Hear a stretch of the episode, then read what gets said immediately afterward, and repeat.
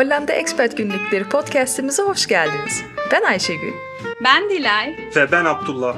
Her ay konuklarımızdan Hollanda'ya göçme hikayelerini dinliyoruz. Bize Instagram'da et Hollanda Expat Günlükleri hesabından ulaşabilirsiniz. Merhaba Dilay ve Abdullah, nasılsınız? Merhabalar, gayet iyiyiz. Teşekkür ederiz. Sen nasılsın? Ben de iyiyim, teşekkür ederim. Mart ayı bölümümüzdeyiz. Nasıl geçiyor günler? Güzel geçiyor. Aslında düşündüğümüzden çok daha sakin. Bu ay Hollanda'da seçim var ve biz daha hareketli, daha civcivli olur buralar diye düşünmüştük. Türkiye'ye kıyasla biraz daha sakin geçiyor. Fakat biz oy kullanamadık bu sene. Sen kullandın biliyoruz. Ayşegül bize biraz süreci anlatır mısın? Evet ben bu yıl ilk defa vatandaş olduğumdan beri oy kullanma hakkımı kullandım. Değişik bir tecrübeydi açıkçası. Nasıl kalabalık mıydı? Çünkü koronada ilk defa oy kullandığını tahmin ediyorum. Kalabalık değildi. Çok az kişi vardı sırada. Ben bir okulda oy verdim. Çok sakin geçti yine oy vermek. Yani seçim süreci bile bu kadar sakinse oy verme süreci de sakin geçmiştir. Çünkü biz alışmışız Türkiye'de sürekli seçim zamanı böyle minibüsler, işte fil- filamalar her yerde, işte bangır bangır mitingler falan. Tabii biz bunların hiçbirini burada yaşamadık.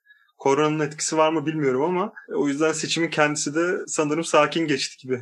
Aynen öyle ve bittiğinde ben çok rahatlamış bir şekilde çıktım. Şöyle diyeyim, Türkiye'de oy verdiğimizde mühür yanlış basıldı sayılmayacak oyun işte yanlış kutuyu attım falan böyle değişik e, endişeler olurken burada size kırmızı bir boya kalemi veriyorlar ve kutunun içine sakin sakin dolduruyorsunuz katlayıp kutuya atıyorsunuz bitti. Bu ya, kadar mı yani? Çok iyi. Seneler önce Marmaris'teyken yanımda yabancı dostlar vardı. Onlarla birlikte ben hep takılıyordum ve hep onlarla e, İngilizce konuşuyorduk. Sürekli benim Türk olduğumu anlıyorlar falan böyle. Onlara İngilizce konuşuyorlar. Bana dönüp yenge diyorlar, abla diyorlar falan. ben de merak ettim. Dedim ki ya kusura bakmayın ama hani benim Türk olduğumu nereden anladınız? Çünkü beraber durduğum insanlar da benim gibi kumrallar. İşte ne bileyim İngilizce konuşuyoruz. Zaten onlar bizim konuşmamızı da duymuyorlar. Abla oy vermişsin dedi. Parmağımda şey varmış. Bu eskiden Orada. parmağı damlatıyorlardı ya. Ele veriyormuş yani. Evet. Burada kesinlikle. öyle bir şey var mı Ayşegül? Yok, yok kesinlikle yok. Biz damgalamıyorlar yani. Yok damgalamıyorlar. Bu arada web sitelerinde online anketler düzenleniyor kararsız seçmenler için. Sizin bazı durumlarda verebileceğiniz tepkilere göre kime oy verebileceğinizi söylüyorlar. Bu anketlerden yaptın mı? Sonuçlar nasıl oldu? Sonuca göre mi hareket ettin? Bu anketleri yaptım ama sonuç hiç gönlümden geçen partinin yakınından geçmiyordu. O yüzden hiç ciddiye almadım. Kalbimin sesini dinledim öyle diyeyim. Peki nasıl sorular vardı ankette? Mesela şöyle sorular vardı. Hollanda Avrupa Birliği'nde kalmalı mı kalmamalı mı? İşte vergilerle ilgili olarak zenginlerden daha fazla vergi alınmalı mı, alınmamalı mı?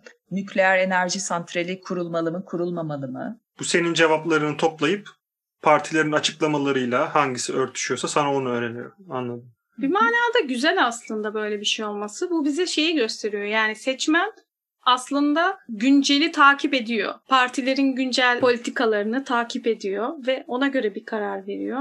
İlla budur ya da şudur demiyor. Bence ben, bana umut verdi aslında. Hoş. Bu arada televizyonda da şeyi gördük. Televizyon programında işte siyasi liderler orada. Çocuklar onlara soru soruyor. Onlar da çocukların anlayacağı dilden kendi yaklaşımlarını ifade ediyorlar. Yani çok e, hoşuma gitti aslında. Evet benim gördüğüm kadarıyla da gerçekten çok eğlenceliydi. Çocuklar sıkıştırdılar bir de liderleri. E, hatta çok sinir olduğum liderlere bile gülebildim program boyunca. Sonunda da seçimden sonra bunların işte birbirleriyle denk gelip birbirlerine neredeyse çak yaptıkları, işte tebrik ettikleri bir oda görüntüsü vardı. O da çok hoşuma gitti. Siyasi liderlerin. Siyasi liderlerin evet. Bu yani yani şeyli rekabet olması hoşuma gitti. Peki Ayşegül sonuçlardan memnun musun? Sonuçlardan açıkçası pek memnun değilim. Çünkü benim verdiğim parti oy kaybetti ve ilk dörde giremedi. Koalisyona giremeyecek onu görüyorum. Rütte'nin partisinin kazanması beklenen bir şeydi açıkçası. Çünkü bu dördüncü e, hükümeti olacak Rütte'nin. D66'nın da ilk dört içinde olması yine beklenen. Kurt Wilders'ın partisi yine üçüncü olması hakkında siz ne düşünüyorsunuz? Çok tatsız. hala orada durmaya devam ediyor. Tadımızı evet. kaçırmaya devam ediyor. Peki D66'nın liderinin sevinince masanın üstüne çıkması, içimdeki Safiye uyandı. Nasıl o ayakkabılarla masanın üstüne çıkarsın kadın? Ha, kendini tutamadı atladı yani evet diye.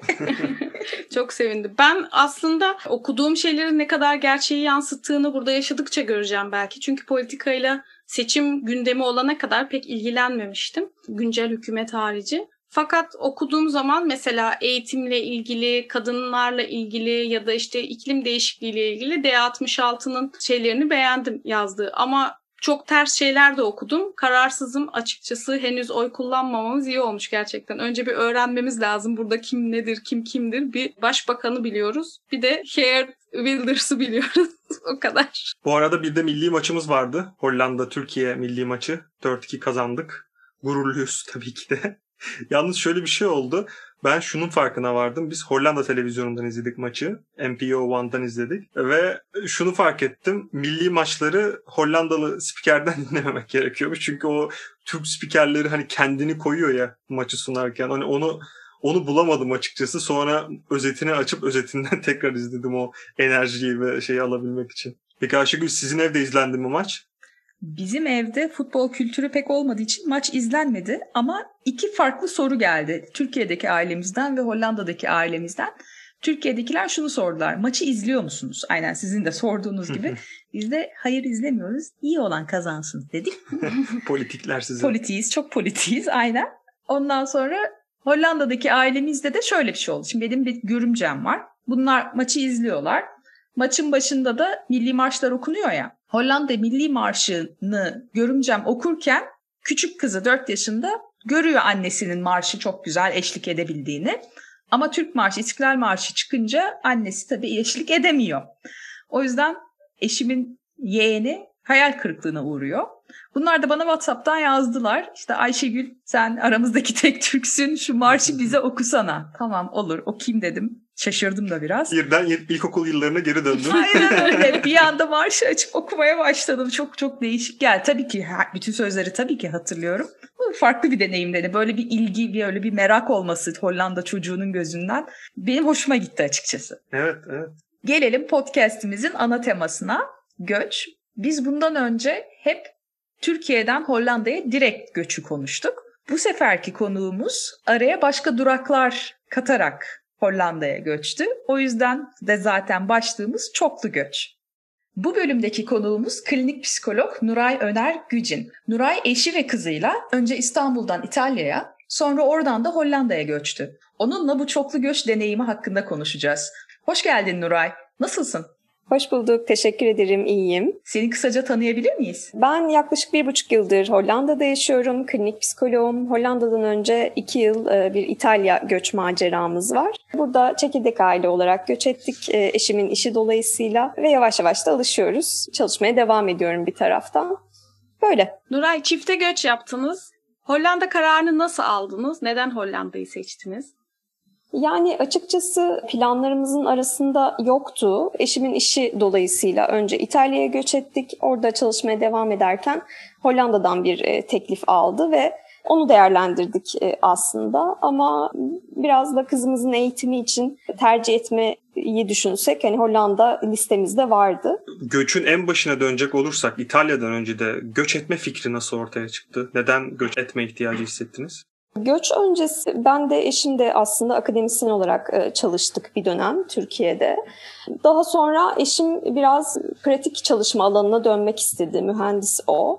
Hani akademinin dışında pratik olarak da e, deneyimlemek istedi. Ardından e, kızımız dünyaya geldi. Ben biraz işe ara vermek durumunda kaldım. Tam o sırada aslında gündeme gelen, tekrar gündeme gelen diyeyim. Hep gündemimizde vardı bir taraftan. Bir mesele oldu göç ve öyle iş bakmaya başladı aslında kendiliğinden gelişti bu süreç diyebiliriz ama bizim zihnimizde aslında Erasmus yaptığımız için ikimiz de lisans sırasında böyle bir Avrupa'da bir süre yaşasak hani birlikte aile olarak da orada bulunsak gibi bir e, hayal hep vardı. Yani öncesinde Erasmus yapmış olmanız size bir fikir verdi göçünüz için. Evet yani üç aşağı beş yukarı aslında buradaki yaşamı tahmin ediyorduk. Çok zorlanmayacağımızı tahmin ediyorduk. Tabii ki hani göç ettikten sonra tahmin etmediğimiz başka zorluklarla karşılaştık ama hani öncesinde hayal ettiğimiz bir şeydi gerçekten. Peki nerede Erasmus yaptınız? Ben Finlandiya'da yaptım, Helsinki'de. Kuzey Avrupa kültürünü biraz e, görme fırsatım oldu orada. E, çok sevmiştim. Yani çok soğuk, yaşaması zor. Ocak ayında gitmiştim. Epey yani eksi 25 falandı ben de oraya vardığımda. Eşim Almanya'da yaptı, Aachen'da. Ama ikimizin de deneyimi güzeldi. Yani konforlu yaşam, biraz daha stressiz belki, trafiksiz bir yaşam. Belki harcamaların daha e, kısıtlı olduğu diyebilirim. Çünkü Avrupa'da biraz daha rahat ve biraz daha herkes orta seviye yaşadığı için. Bu tarz e, bir fikrimiz vardı. Erasmus da bana hani biraz Kuzey Avrupa'yı sevdirmişti açıkçası. Hani uzun süreli yıllar yıllar orada yaşamayı düşünür müyüm bilmiyorum ama bir kesit olarak aldığımda çok güzel hatırlıyorum. Peki Finlandiya ve Almanya sonra İtalya'yı deneyimlediniz. İtalya'dan sonra da Hollanda'yı. İtalya ile Hollanda'yı kültürleri açısından karşılaştırırsan nasıl bir sonuca vardın? Çok farklı diyebilirim. Yani İtalya'da biz e, küçük bir şehirdeydik. E, Kuzey İtalya'daydık. Trieste şehrindeydik. E, Adriyatik Denizi'nin kıyısında Slovenya'ya komşuydu. Biraz böyle İtalya kültürünün yanı sıra Avusturya kültürü, Slovenya kültürü tam böyle sınır şehri olması dolayısıyla çok güzel bir şehirdi. Orada yaşamak Akdeniz kültürünün tabii ki o e, sıcak havası da hakimdi. Güzel bir deneyim oldu aslında o iki yıllık maceramız. Ama şeyi en baştan aslında biliyorduk e, diyeyim. E, İtalya'da çok uzun süre kalmayız. Hani oraya yerleşmeyiz ya da hani burada hani bir 10 yıllar boyunca İtalya'da yaşamayızı gitmeden de biliyorduk açıkçası. Biraz tabii ekonomik koşullar önemli idi bizim için. Hem bir kızımız olduğu için hem de yani madem bir ekspat olarak göç ediyoruz hani buna da biraz değsin e, diye açıkçası. Ama çok keyifli geçti o iki yıl. Gerçekten e, sıcak bir kültür, kapsayıcı bir kültür. Hollanda'ya göre zorlukları e, kimsenin İngilizce bilmemesiydi. Ama bu beni biraz da İtalyanca öğrenmeye kendiliğinden zorladı. İster istemez hiç kursa dahi gitmeden orta seviye çatpat kendime anlatacak kadar İtalyancam olmuş oldu. Onun dışında tabii Ekspatlara alışık bir şehir değildi. Yabancı pek yoktu. İşte neden kursa gitmeden diyorum. Çünkü yabancılar için İtalyanca kursu yoktu yaşadığımız şehirde mesela. Ee, ama hani Hollanda'daki gibi yetişkin yabancılar, yetişkin ekspatlar, onların adaptasyon süreçleriyle ilgili yapılandırılmış bir sistem yoktu. Kendiliğinden gelişti ama bir şeylerin kendiliğinden gelişmesi için de uygun toprakları aslında Akdeniz toprakları. Ama burada expat olarak çok daha konforlu. Hani ilk geldiğimizde şeyi e, söylüyordum sürekli eşime. Yani her şey ne kadar düşünülmüş aslında. Yani düşünülmüşten aslında kasıt şu.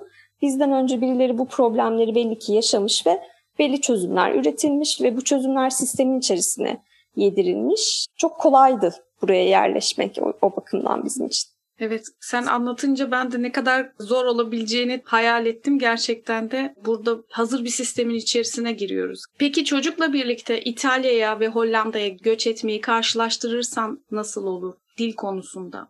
Yani çocukla göç söz konusu olduğunda çocuğun yaşı çok önemli bir kriter aslında. Biz göç ettiğimizde kızım tam bir yaşındaydı İtalya'ya göç ettiğimizde. E, dolayısıyla bir süre daha evde birlikte vakit geçirecektik benim planıma göre. Bu bakımdan hani İtalya çok kolaylaştırdı. Tek başına İtalya'da demeyeyim. Yani pandemi öncesi dönemde göç etmek de çok kolaylaştırdı düşündüğümde, kıyasladığımda. Yani her gün dışarıda vakit geçirdiğimiz, çocuk parklarına gittiğimiz, işte çocuk kütüphanelerine gittiğimiz, açıkçası birlikte çok eğlendiğimiz bir süreç olarak hatırlıyorum ve çok güzel hatırlıyorum o zamanları. Küçük bir bebekle göçü şu an hani düşünüyorum ama okul yaşı geldiğinde hani kızım yaklaşık iki yaşında kreşe başladı. Biz bir yıl evde geçirmiş olduk sonra iki e, yaşına geldiğinde kreşe başladı. Yani yine şunu söyleyebilirim sistemi çözene kadar çok zorlandık. Hani kreş, hangi kreşe gidecek işte devlet kreşleri var, e, özel bir takım bakım merkezleri var. Bizden önce sisteme girmiş bir yabancı yok. İşte formlar dolduruluyormuş, form Ocak ayında dolduruluyormuş, bir çekiliş oluyormuş. Çekiliş Mart ayında açıklanıyormuş ama kreş Eylül'de başlıyor falan. Mesela bu tarz zorluklardan bahsediyorum. Hollanda'da bunları devlet sitelerinde dahi İngilizce açıklamalar olarak bulabiliyoruz aslında. Orada öyle değildi. Böyle soruşturarak, eşe dosta sorarak, kreşlerin e, kapısına giderek, randevular alarak vesaire sistemi çözene kadar ve sisteme girene kadar epey zorlandığımızı hatırlıyorum. Tabii eşimin işleri yardımcı oluyordu o konuda ama hani tahmin edersiniz böyle zırt pırt ufak tefek soruları da soramıyorsunuz. Hani onun için gerçekten bir sistem kurulmuş olması çok daha kolaylaştırıyor. Okula gittikten sonra kızım tamamen bir İtalyan sistemine girmiş oldu. Orada zaten hep İtalyanca konuşan çocuklar vardı. İşte bir yıl tam zamanlı kreşe gitti. E, İtalyancayı öğrendi. Zaten çok kısa bir sürede, 3-4 ay gibi bir sürede. Biz biraz zorlandık veli olarak. yani orada işte toplantılar, öğretmenlerle görüşmeler, sormak istediğiniz belki gündelik o küçük konuşmalar, kapı önü konuşmaları işte kreşteki öğretmenlerle yapılan hep bir miktar eksik kalıyordu açıkçası. Ben gerek yok sormayayım diye çekiliyordum. Öğretmen de muhtemelen gerek yok hani e, söylemeyeyim deyip e, çekiliyordu. Yazılı anlaştığımız e, bir sistem vardı zaten işte ne yedi, ne kadar yedi, ne kadar oynadı vesaire yazıyorlardı. O yazıların ben de fotoğrafını çekip sonra Google Translate sorarak anlamaya çalışıyordum. Meşakkatliydi açıkçası. O yüzden Hollanda'ya kızım göç ettiğimizde 3 yaşındaydı. 3 yaşındayken İtalya'ya göç etmek istemezdim mesela. Ama 3 yaşındayken buraya göç ettiğimizde biraz daha hani ilkokul yaşı, ilkokul burada 4 yaşında başlıyor. İlkokul yaşı yaklaşmış oldu. Ama sistem çok daha düzenli, çok daha hazır. İşte sınıfında çok fazla zaten yabancı yine göçmen çocuklar var. Gerçi hani kızım bir Hollanda okuluna, devlet okuluna gitmiyor. Şu an e, uluslararası bir okula devam ediyor. Ama yine de hani bunlara ulaşabiliyor olmakta büyük bir konfor. Devlet okuluna gitseydi de arkadaşlarımın çocukları gidiyorlar çevremizde çok fazla var. Devlet okuluna gitseydi de rahat ederdik. Onu e, tahmin edebiliyorum. Öğretmenler çünkü çok zorlanmıyorlar İngilizce aktarmakta. Peki sizin uluslararası bir okul seçmenizin bir sebebi var mı? Sebebi şu, çok emin değiliz burada ne kadar kalacağımıza, çok uzun süre kalıp kalmayacağımıza.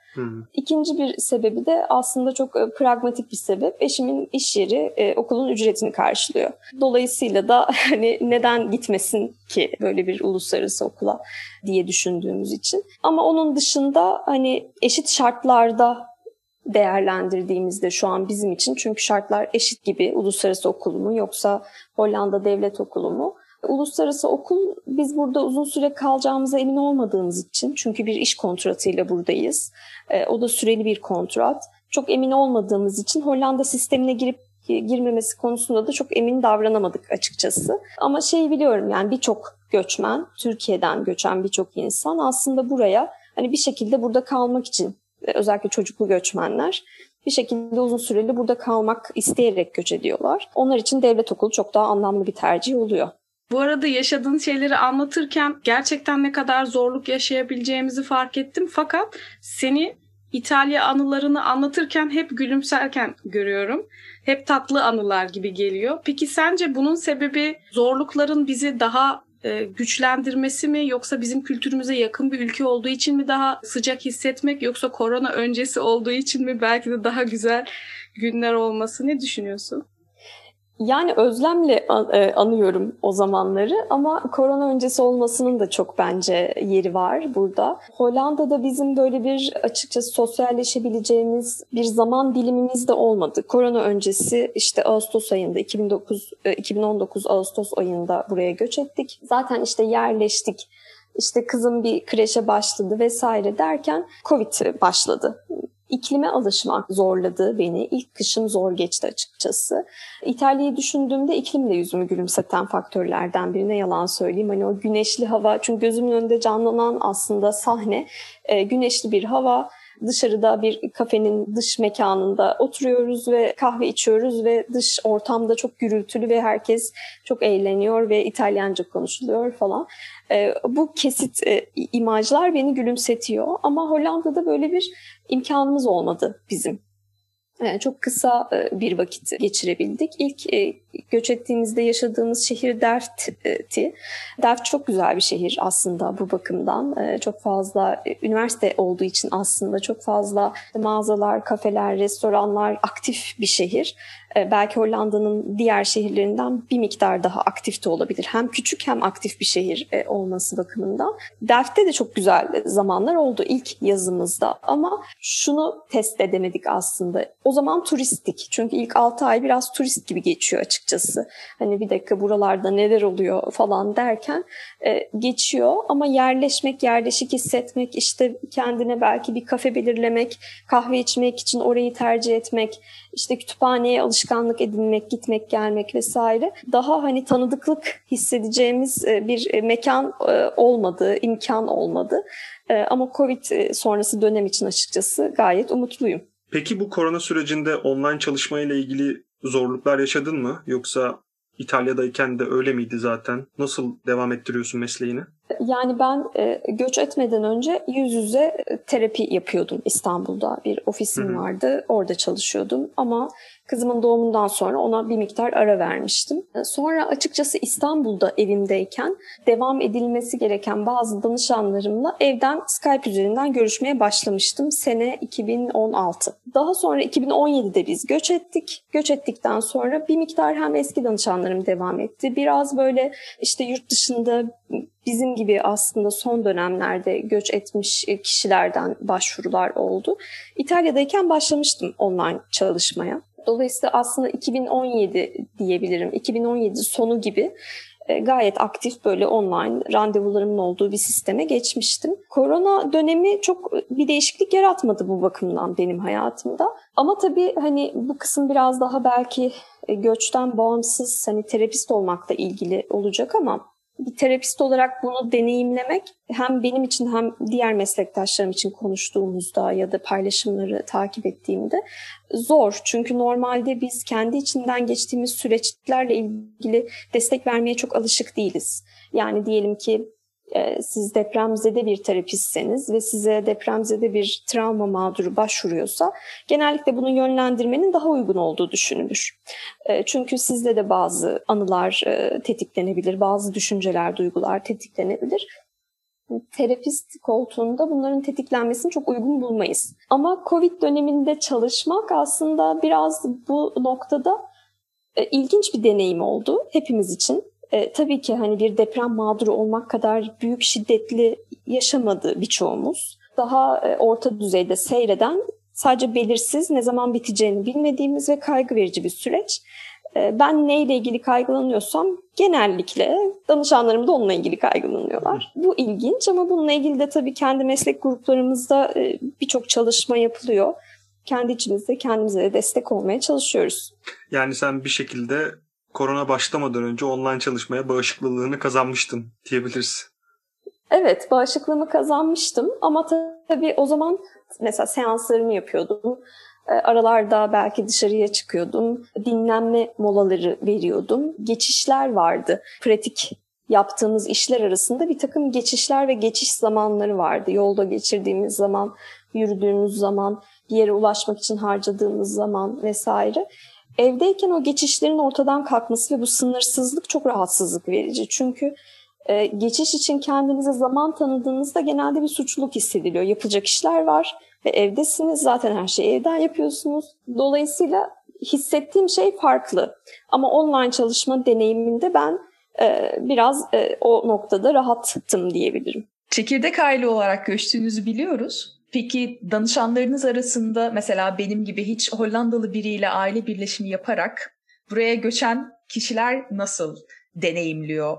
Kültür farkını, göçü, Türkiye ile Hollanda arasındaki farklılıkları bu konuda ne düşünüyorsun? Bence farklı deneyimleniyor. Hani sadece Hollanda değil aslında hani Hollanda kültürü özelinde belki ayrı değerlendirmeler yapılabilir ama ben hani oranlayacak olsak %20 %30 civarında Hollanda'ya göçen Türklerle çalışıyorum. Diğer çalıştıklarım genelde Avrupa, bazen nadiren Amerika, Kanada vesaire.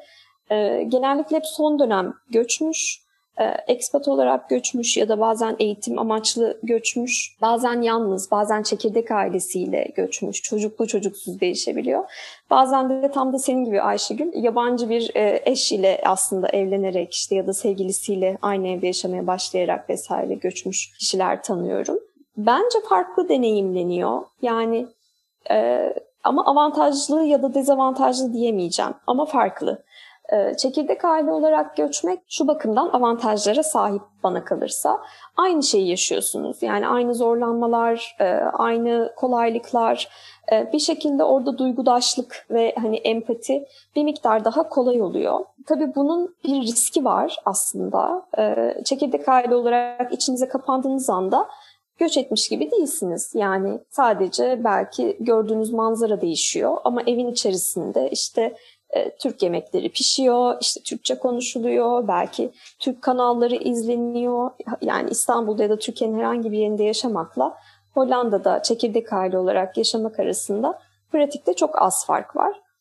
Bunun hem avantajı hem dezavantajı var. Bir yabancı ile evlenmenin ise bence kültüre aniden maruz kalmanın bir e, avantajı da var. Yani dili daha kolay belki e, daha hızlı öğrenme fırsatı doğuyor. Kültüre maruz kalma yani bizim terapide kullandığımız iki farklı maruz bırakma metodu vardır. Biri aşamalı maruz bırakma, biri de böyle başından aşağı döker gibi maruz bırakma.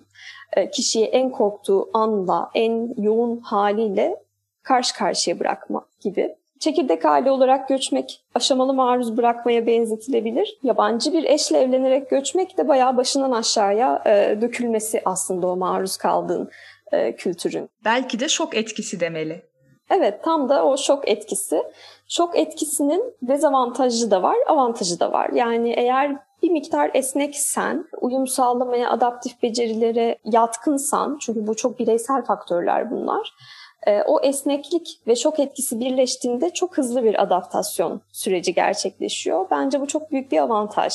Yani göçmen olmanın zorlukları uzun vadede çok çok azalıyor gibi geliyor bana.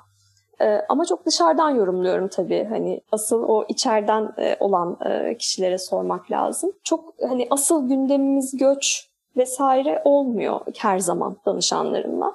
E, çünkü hani psikopatolojiler var ve hani onlarla ilgili çalışılıyor. Ama şeyi biliyorum yani bazen ev içi, aile içi iletişim problemleri, çatışma, kültürel çatışma, evde üçüncü bir dilin konuşulmasının yarattığı bir boşluk, bir zorluk, bir sessizlik vesaire. Tabii ki yine kişilik faktörlerini asla küçümsememek lazım. Deneyimler çok biricik ama e, bu tarz ortak zorluk örüntüleri de belki e, olabilir. Peki geleceğe dair planlarınız, hayalleriniz var mı? Gelecekte ne görüyorsunuz? Sizin daha mobilitenizin biraz daha yüksek olduğunu görüyorum. Kendinizi Hollanda'da mı görüyorsunuz? Başka bir yerde mi?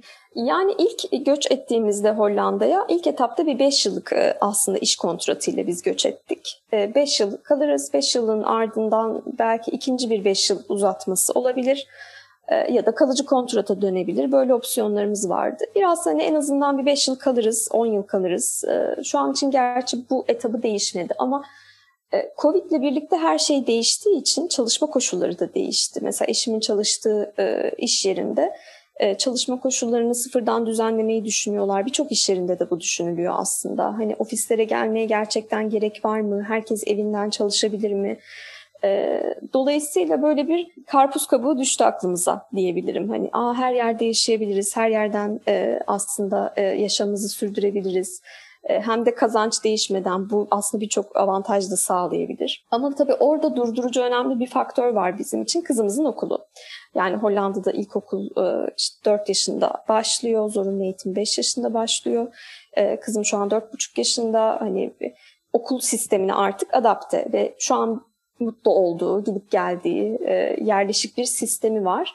E, biz de çok memnunuz. O yüzden çok bunu değiştirmeyi düşünmüyoruz. Yani şöyle söyleyebilirim belki. Yaşamımızın bir yılın uzunca bir kısmını Hollanda'da geçirmek bize çok iyi geliyor. Biz de seviyoruz çünkü burada yaşamayı. Ama e, bu tatilleri uzatmak, yani benim şöyle bir hayalim var mesela. İşte iki büyük tatil var. Biri Christmas tatili, biri yaz tatili.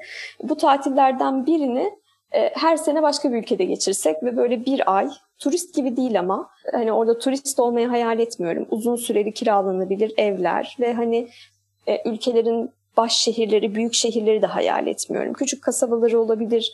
Daha böyle yerleşik dünyayı tanımak falan gibi ama bu benim hayalim. Ee, bilmiyorum hani eşim bu konuda bana katılır mı? Ee, ama şey fikri çok hoşuma gidiyor benim. Artık gerçekten sınırlar kalktı. E, tabii hani e, Avrupa'da yaşadığımız için vize problemimiz olmadığı için de sınırlar kalktı. Hani Türkiye'de olsak belki bu kadar e, iş koşulları değişmesine rağmen esnek düşünmek kolay olmazdı. Ama hani bir 10 yıl herhalde burada sabit e, kalırız diye düşünüyorum. Devamında da hani emeklilikte Türkiye'ye dönme vesaire hayalleri var herkesin. Biz o konuda çok kararsızız. Yani çok öyle de bir hayalimiz yok açıkçası. Emeklilikte Hollanda'da kalır mıyız? Bence Hollanda emekliler için de çok güzel bir ülke. yani hani bir tek iklimi zorlar mı yoksa zamanla alışır mıyız? Ee, bilmiyorum. Biz yani ben karakter olarak hani eşim de bir miktar öyle uygun pas gelirse gole çevirme e, halindeyiz. Yani o yüzden böyle çok uzun süreli şeyler, planlar vesaire e, işlemedi de çok hayatımızda. Yani e, bizim aslında uzun süreli planımız İstanbul'da ikimizin de akademisyen olduğu, benim bir yandan terapist olduğum, terapist akademisyen hayatımı sürdürdüğüm, işte evimiz vardı, işte e, düzenli bir sistemimiz vardı. Çocuğumuz oldu ve yaşar gideriz diye düşünüyorduk. Ama öyle olmadı. Yani biraz e, daha iyi paslar geldi ve daha iyi goller çıktı belki bizim için. Yani bu yüzden gelecekte de aslında ne gelir bilinmez diye yaşıyoruz biraz. O zaman son olarak şöyle bir sorumuz var Nuray. Göçmek isteyenlere ya da göçmüşlere profesyonel biri olarak tavsiyelerin var mı? E, tavsiyem çok olur aslında e, Ayşegül. Yani bu tabii göçü e, aslında göç sonrası dönem başka bir süreç göç öncesi ve göç sırası o üç aşamaya ayrılıyor. Göç öncesi dönem, göç sırası dönem, göç sonrası dönem. E, şimdi öncesi dönem e, hazırlığı önemli. Yani zihnen hazırlanmak, yavaş yavaş o bağlardan kopmak, kopmaya zihnen kendini alıştırmak, göçeceğin ülkeyle ilgili e, oraya gittiğinde işlerini kolaylaştıracak bir takım bilgilere ulaşmak vesaire çok önemli. E, ben bu farkı kendi kişisel deneyimde hani İtalya'ya göç ve Hollanda'ya göç arasında da deneyimliyorum aslında. İtalya'ya göç bizim neredeyse bir yıl hazırlanabilecek vaktimizin olduğu bir göç süreciydi. Ama Hollanda'ya göç çok öyle olmadı. Ve hani İtalya ile ilgili zor bir ülke olmasına rağmen göç e, öncesi araştırma noktasında da göç e, sırasında da daha fazla araştırma, araştırmanın ötesinde zihinsel bir hazırlık yapma. Hani bunun için ekstra hiçbir şey yapmaya da gerek yok. Zihninizin bir köşesinde göçeceğiniz ülkenin isminin durması bile yeterli aslında. İnsan zihni kendi içinde o süreci yürütüyor zaten. Ama tabii ki e, eğer ulaşılabiliyorsa orada yaşayan insanlara, aynı zorluktan geçmiş insanlara ulaşmak işte eğer çalışılmak e, düşünülüyorsa diploma denkliği vesaire bu süreçleri araştırmak belki önden başlamak, dil öğrenme sürecine girilecekse belki önden girmek vesaire bunlar göç öncesi hazırlıklar. E, göç öncesi hazırlıkların yine tehlikeli kısmı İnsanlar kendi deneyimlerini size aktardıklarında bazen bazı biz bias diyoruz yani bazı eğilimleri de aktarabiliyorlar. Mesela e, Hollandalılar soğuktur atıyorum. Böyle kalıplar var bizim işimizi kolaylaştıran zihnimizde e, kısa yoldan düşünmemizi sağlayan. E, ama bazen o kalıplar bizi olumsuza hazırlıyor. Gerçek bir olumsuzluk olmayabilir bu. Dolayısıyla o gelen bilgileri de süzmek, e, kendi deneyimine açık olmak çok kıymetli diye düşünüyorum. Hani bu tarz kısa yollardan düşünmeye başladığımızda çünkü şeyi çok ayırt edemiyoruz. Bu kendini gerçekleştiren bir kehanet mi oluyor günün sonunda? İşte hiç Hollandalı arkadaşım yok çünkü Hollandalılar soğuktur diye düşünüyorum mesela. Eğer en baştan böyle düşünüyorsam ben de onlara hiç sıcak davranmamış olabilirim. Ben hiç ilk adım atmamış olabilirim. Ee, ama İtalya'da olsaydım belki çok fazla ilk adım atacaktım. Çünkü İtalyanlar sıcaktır diye bir düşüncem vardı. Dolayısıyla e, o ön hazırlık sürecinde bizden önce göçmüş insanlardan fikir, bilgi, destek alırken onların bahislarıyla düşünmemeye de gayret etmek önemli. Sizin biricik bir göç deneyiminiz olacak ve ona alan açmak aslında e, zihninizde, kalbinizde alan açmak çok önemli diye düşünüyorum. Göç sırasındaki zorluklar biraz yani orada kervan yolda düzülür dedikleri cinsten kendiliğinden geliyor geçiyor. Yani onunla ilgili çok bir ön hazırlık vesaire de pek olmuyor. Esnek olmak önemli. Süreçte destek, sosyal destek çok önemli göç e, esnasında. E, göç sonrası aşamada aslında Yine o da kendi içinde kategorilere ayrılıyor. Bir balayı kısmı var. Turist olduğunuz, her şeye çok heyecanla baktığınız, saatlerce market gezdiğiniz vesaire. O kısım zaten keyifli. Sonra daha durağan bir dönem geliyor aslında. Balayı bitti, gerçeklerle kaldınız. İşte kış geldi, iklim zorluyor vesaire. E, o durağan dönem için balayı kısmındayken henüz planlar yapmak önemli. Yani hangi kurslara gidebilirim, bu kışı nasıl geçirebilirim vesaire. İçe çekilmek göç sürecini çok zorlaştırıyor. Tabii burada hani yine kişilik faktörleri önemli. Bazı insanlar zaten içe dönüktür ve hani onlar içe dönük olmaktan da mutludurlar. Ama eğer dışa dönük sosyal bir insansanız göç sonrası süreçte zorlandığınız için içe çekiliyorsanız bu sizi daha da depresif yapabilir. E, o yüzden aktive olmak önemli. Tam da bu yüzden aslında pandemi döneminde insanlar göçte zorlandılar. Çünkü o aktivasyon dış kurallar tarafından önlendi. Ee, ama hani online aktivasyon da mümkün. İşte şimdi bizim buluştuğumuz gibi aslında bir şeyler yapmak, e, belli bir hedef belirlemek, o hedef için çalışmak göçü kolaylaştıran unsurlar. İlk 10 yılı atlattıktan sonra yarı yerleşik olduğu iddia ediliyor. Yani artık siz yarı o kültürden. Bunun da zorluğu şu aslında döndüğünüzde artık Türkiye'den de değilsiniz ya da işte nereden göç ettiyseniz artık oradan da değilsiniz. Çok zenginsiniz çünkü yarı oradan yarı oradansınız ve belki evinizde çok çeşitli yemekler pişiyor. Bir zenginlik ama e, belki bir miktar zorluğu da olabilir. E, o kısmı orası geldiğinde zaten e, düşünür göçmenler. Çok teşekkür ederiz Nuray bu değerli bilgiler için ve hayat hikayen için. Çifte göçün zorluklarını senin anlattıkların sayesinde biz de yaşamadan birazcık deneyimlemiş olduk. Ben teşekkür ederim. Çok keyif aldım. Güzel bir sohbet oldu benim için de. Umarım dinleyenler de eğlenirler dinlerken. Yine dediğim gibi hani son vurgum da orayaydı ama tekrar vurgulamak istiyorum. Her şeyin, tüm algının, tüm yaşamın, yaşantının biricik olduğunu unutmamak gerekiyor. Dolayısıyla bu benim hikayem, benim deneyimim, benim zihnimdeki e, anılar, e, hatıralar ya da hayaller geleceğe dönük. Ama herkes kendininkini yaşıyor ve e, üretiyor bir şekliyle. Ödünç almamak önemli burada. Şimdi de podcastimize bir soru bir cevap bölümüyle devam edeceğiz. Bu bölümde kısaca açıklayayım. Ben sana bazı kelimeler ya da söz öbekleri söyleyeceğim. Senden de yine aynı şekilde kelimelerle ya da söz öbekleriyle cevap vermeni bekleyeceğim. Bu bölümün amacı bunları duyduğun zaman aklında oluşan ilk resmi bize ifade etmen. O yüzden birazcık düşünme fırsatı kendine tanıyabilirsin. Hazırsan başlayabiliriz. Hazırım. Keşke. Keşke pandemi olmasaydı. Evden çalışmak. Evden çalışmak çok rahat. Ama bazen sıkıcı. Hollanda'nın en değişik kültür öğesi. Outwaaien diye bir e, deyimleri var aslında. E, biraz böyle canları sıkkın olduğunda dışarıya çıkıp e, rüzgarda yürümenin e, kafalarını boşaltacağını, dertlerini alıp götüreceğini, rüzgarın dertleri süpüreceğini belki e, düşünüyorlar. E, bu çok hoşuma gidiyor. Ben de kullanıyorum bazen. Hollandalılar hakkında en sevdiğin şey? Bugüne kadar benim karşılaştığım tüm Hollandalılar e, yabancılara çok açıklar ve çok merakla açıklar. E, bunu çok seviyorum. Ve son olarak yuva. Çekirdek ailem. Çok teşekkür ederiz Nuray verdiğin cevaplar için. Ben Güzel, keyifli bir ederim. sohbet oldu. Umarım en kısa zamanda yüz yüze görüşmekte nasip olur diyelim. Tekrar derste bekleriz. Evet, e, ben de bekliyorum. Mart 2021 Hollanda gündem başlıkları. 1 Mart Okullarda yüz yüze eğitime başlandı. 8 Mart Hollanda hükümeti Covid pasaportunun bağışıklık kazanmış kişilere daha fazla özgürlük vereceğini savundu. 14 Mart Lahey'de sokağa çıkma yasağını protesto eden bir grup polis tarafından tutuklandı. 17 Mart seçmenlerin %82'sinin oy kullandığı genel seçimlerde Mark Rutte'nin partisi FFD başı çekerken ikinci parti Sigrid Kaag'ın liderlik yaptığı D66 ve üçüncü de Geert Wilders'in PFF partisi oldu. Koalisyon hükümeti kurmak için Rutte'nin görüşmeleri devam ediyor. 24 Mart Türkiye ve Hollanda milli maçı Türkiye'nin 4-2 galibiyetiyle sonuçlandı. Hollanda Expat günlüklerini dinlediğiniz için çok teşekkür ederiz. Bizi Spotify'da takip etmeyi, Apple Podcast'te de puanlamayı unutmayın. Önümüzdeki ay görüşmek üzere. Hoşçakalın.